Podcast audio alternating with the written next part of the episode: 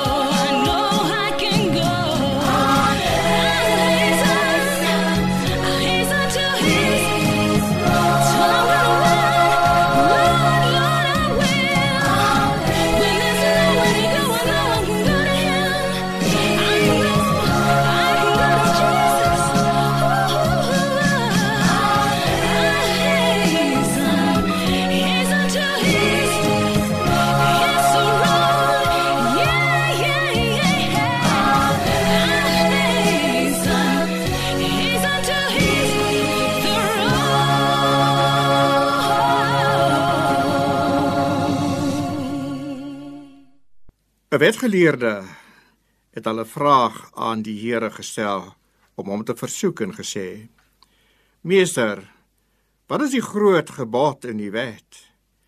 En Jesus het hom geantwoord en gesê: Jy moet die Here jou God lief hê met jou hele hart en met jou hele siel en met jou hele verstand. Dit is die eerste en groot gebod. En die tweede wat hiermee gelyk staan is: Jy moet jou naaste lief hê soos jouself. Aan hierdie twee gebooie hang die hele wet en die profete. Kom ons verenig in gebed. Almagtige God en Vader, ons dank U vir die voorreg om U woord te kan verkondig op hierdie wyse. Waar ons so geestelik bymekaar is, bid ons dat U ons sal voed met U woord. Ons dink op hierdie oomblik aan baie ander wat nie die voorreg het om saam met ons so te kan verenig nie. Ons dra al die siekes aan U op. In die huise, in ouer huise, hospitale, inrigtinge sowel as fisies gestremdes. Ons bid dat U die sal vertroos wat geliefdes aan die dood moes afstaan. Die wat werkloos is, geen heenkome het nie, geen voedsel het nie en bedroef is. Vader, ons bely ons skuld, sondes en geloof waarvan ons sê ons glo in U, die Vader, die almagtige, die skepper van hemel en aarde. En in Jesus Christus, se enige gebore seun, ons Here, wat ontvang is van die Heilige Gees, gebore uit die maagd Maria, wat gelê het onder Pontius Pilatus, gekruisig is, gesterf het en begrawe is en neergedaal het na die hel, wat op die 3de dag opgestaan het uit die dood, opgevaar het na die hemel om te sit aan die regterhand waar hy vandaan sal kom om die lewendes en dooies te oordeel. Ons glo in die Heilige Gees. Aan 'n heilige algemene Christelike kerk, die gemeenskap van die heiliges, die vergifnis van sondes. En die opstanding van die liggaam. En 'n ewige lewe. Amen.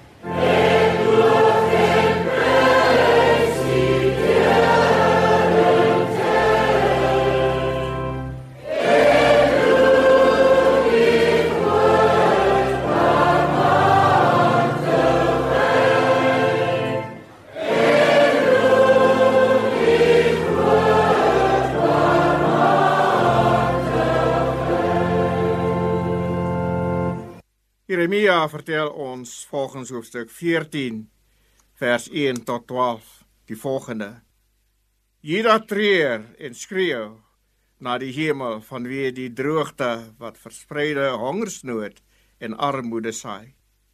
Die stad se poort verval en inwoners sit in rou op die grond.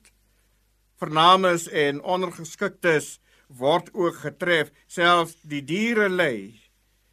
Jeremia die profeet wend hom tot die Here en lewer sy eerste boetgebed.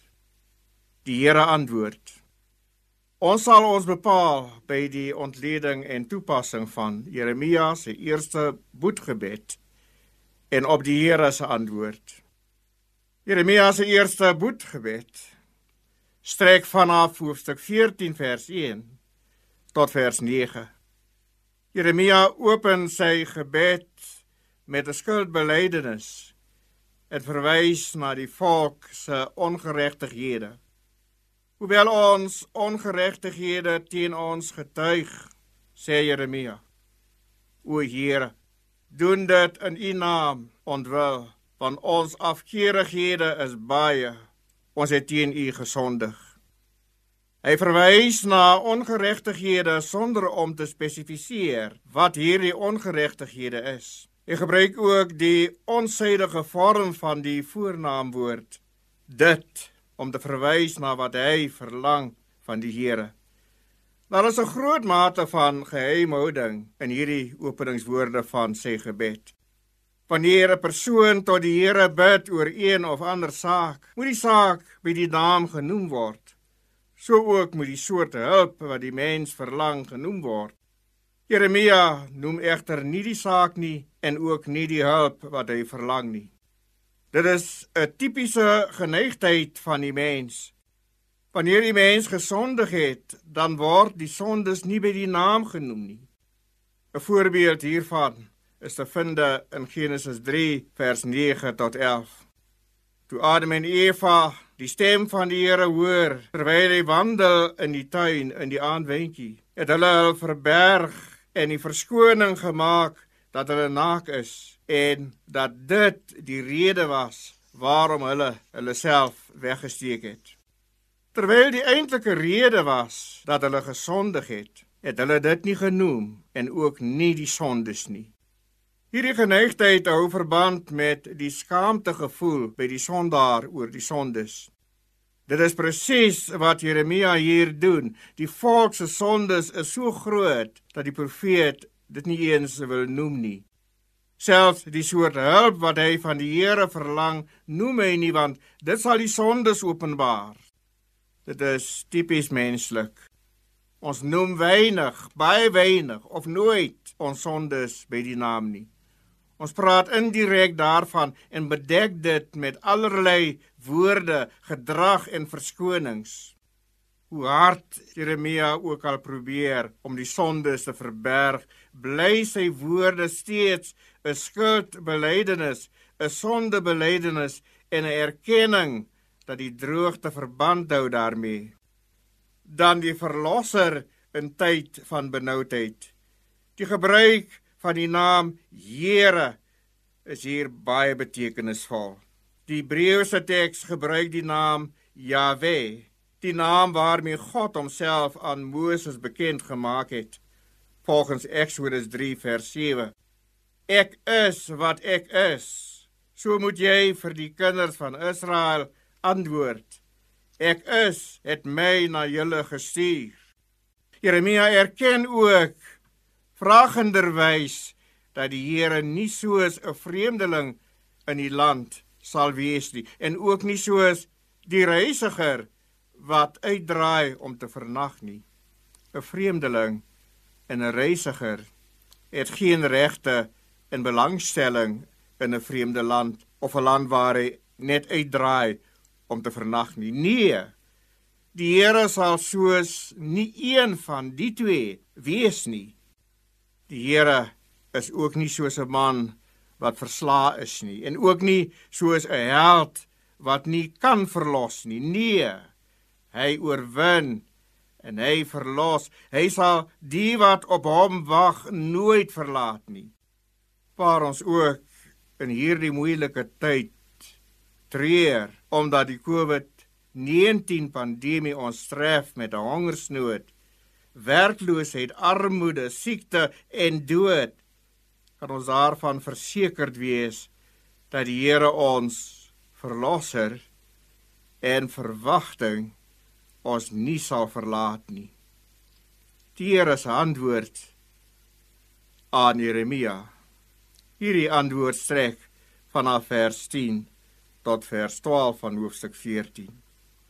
In teenstelling met Jeremia se openingswoorde in sy gebed wat nie die sondes en ongeregtighede op die naam noem nie, noem die Here die sondes en ongeregtighede van die volk op die naam.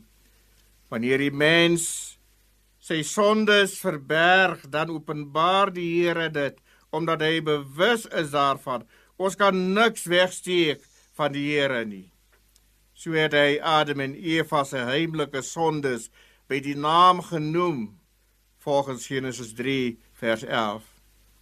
Het jy geëet van die boom waarvan ek jou beveel het om nie te eet nie? Die Here noem die sondes baie duidelik by die naam met volle beskrywing daarvan. Hy sê aan Jeremia hier: Julle het daarvan gehou om te swerwe. Die Hebreëse uitdrukking wat met die woord swerwe vertaal word in ons Afrikaanse Bybel, beteken ook om met die voete van die een woonplek na die ander te beweeg. Met ander woorde, om afvallig te wees. Dit doen 'n mens willens en wetens. Die volk het dus willens en wetens gedwaal en was afvallig. Daarom het die Here geen behaag in hulle nie en daarom sal die Here aan hulle ongeregtigheid dink en kom om dit te besoek, te ondersoek of te bewys. Op grond hiervan sê die Here aan die profeet: Bid nie vir hierdie volk ten goeie nie. Die Here weier dus om die profeet se voorbidding te aanvaar vanweë hulle afvalligheid. Verder sê die Here: As hulle vas, luister die Here nie na hulle gesmeek nie. En as hulle brandoffers en spysoffers bring, het die Here geen behaag daarin nie. Daar was jaarlikse vastye, individuele en gemeenskaplike vas. In tye van dood, droefheid, berou oor sondes. Soms wanneer die Hebreërs lyding van die Here verlang het, het hulle gevas. Party mense het misbruik daarvan gemaak en gedink dat 'n mens die Here deur te vas outomaties kan dwing om na jou te luister. Die Here het hierdie soort gebruike ernstig deur profete afgewys, want om te vas sonder geloof was nutteloos. Brandoffers en spysoffers, albei hierdie offers het te doen gehad met vergifnis van sondes. Alle offers in die Ou Testament was simbole van vergifnis van sondes. Die hele leer van offers in Levitikus hoofstuk 1 tot 7 het gegaan oor versoening tussen God en die mens, sowel as verheerliking van God. Die Ou Testamentiese idee van versoening gaan om boetedoening, om vrede te bewaar tussen God en mens, om te vergoed vir die sondes hierdie offerdiens kan teruggevind word in Genesis 2 vers 16 en 17. God se opdrag aan die mens om te eet van al die bome van die tuin en sy verbod om nie van die boom van die kennis van goed en kwaad te eet nie, want indien hy daarvan eet, sal hy sekerlik sterwe. Hierdie gebod en verbod word verbreek deur die mens volgens Genesis 3 vers 1 tot 9. En daarna is die verhouding tussen God en mens ook verbreek. Die enigste manier waarop hierdie verhouding herstel kan word is deur te voldoen aan God se waarskuwing dat die mens sal sterwe as hy oortree. Hierna gee die Here die offerdiens as teken van verzoening deur die offer op Moria Genesis 22 vers 1 tot 13 vertel ons daarvan hoe dat Abraham die offer gebring het. Veral vers 22 en vers 8. Uitstorting van bloed speel in die offerdiens van hierdie soort 'n belangrike rol.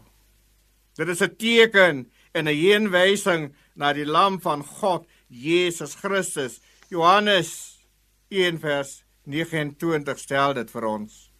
Om met God voorgestel in sy bloed as 'n verzoening deur die geloof, sê Paulus in Romeine 3 vers 25. Die slagoffer is die beste voorbeeld van verzoening, deurdat die bloed van die slagdier dien as teken van die gee van lewe vir die sondes van die sondaar. Die slagdier is 'n plaasvervanger vir die sondaar en sy bloedvergieting is 'n teken van die bloed van Jesus Christus. So word betaal vir die sondes van die sondaar en word verzoening bewerkstellig omdat die siel van die mens wat in die bloed geleë is aan God gegee word as betaling vir die sondes.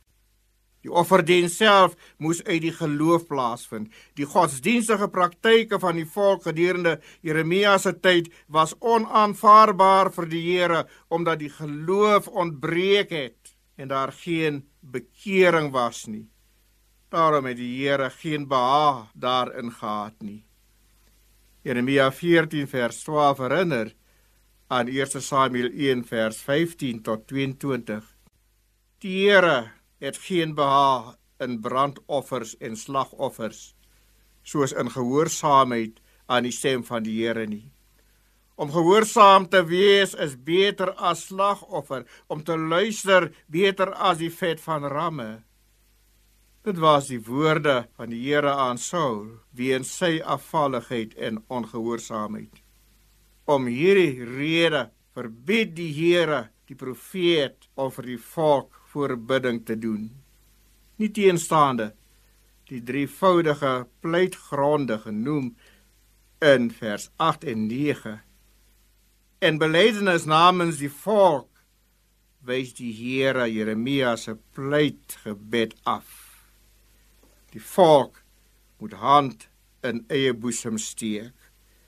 Wanneer Jeremia vir die tweede en derde keer voorbidding doen vir die volk, so hy verneem wat die Here verwag. Amen. Kom ons verenig in gebed. Ons hemelse God en Vader, baie dankie dat U aan ons die geleentheid gegee het om na u woord te kon luister vanmôre. Ons dank u Here vir alles wat u bewerk in ons lewens, vir u genade, vir u barmhartigheid en vir u liefde. Ons dank u Here vir die voorreg om te kan leef. Terwyl ons Here op die wyse byeen is, dink ons ook aan ander wat geliefdes aan die dood verloor het. Ons dra almal Here aan U op en bid dat U hulle naby sal wees, Vader. Ons bid vir die wat behoeftig is.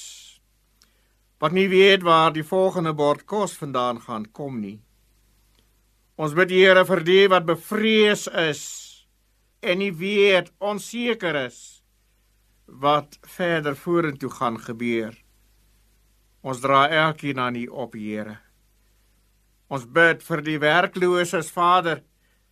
Ons bid vir die wat wat sonder geld is, wat wat behoeftig geword het, wat arm geword het finansiëel, verliese gelei het.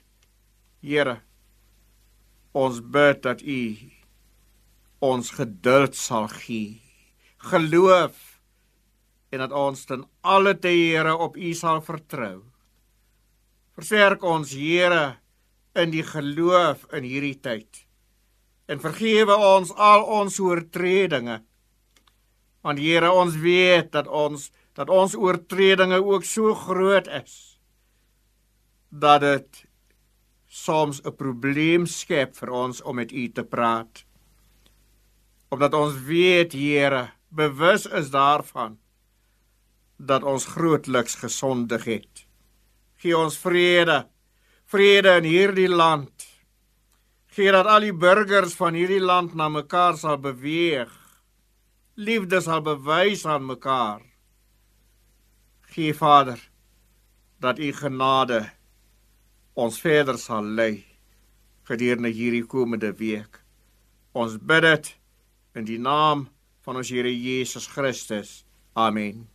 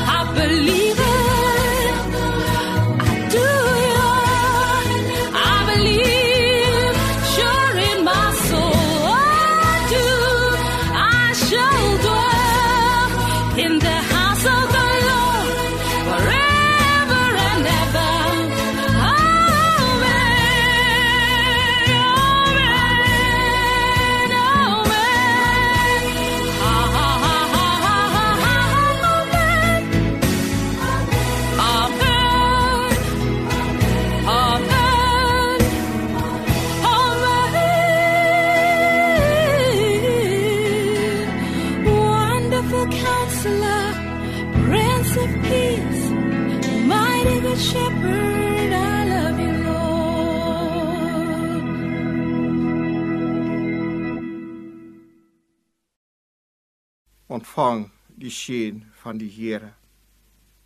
Mag die almagtige God en Vader u ryklik seën en saam met u wees. Amen.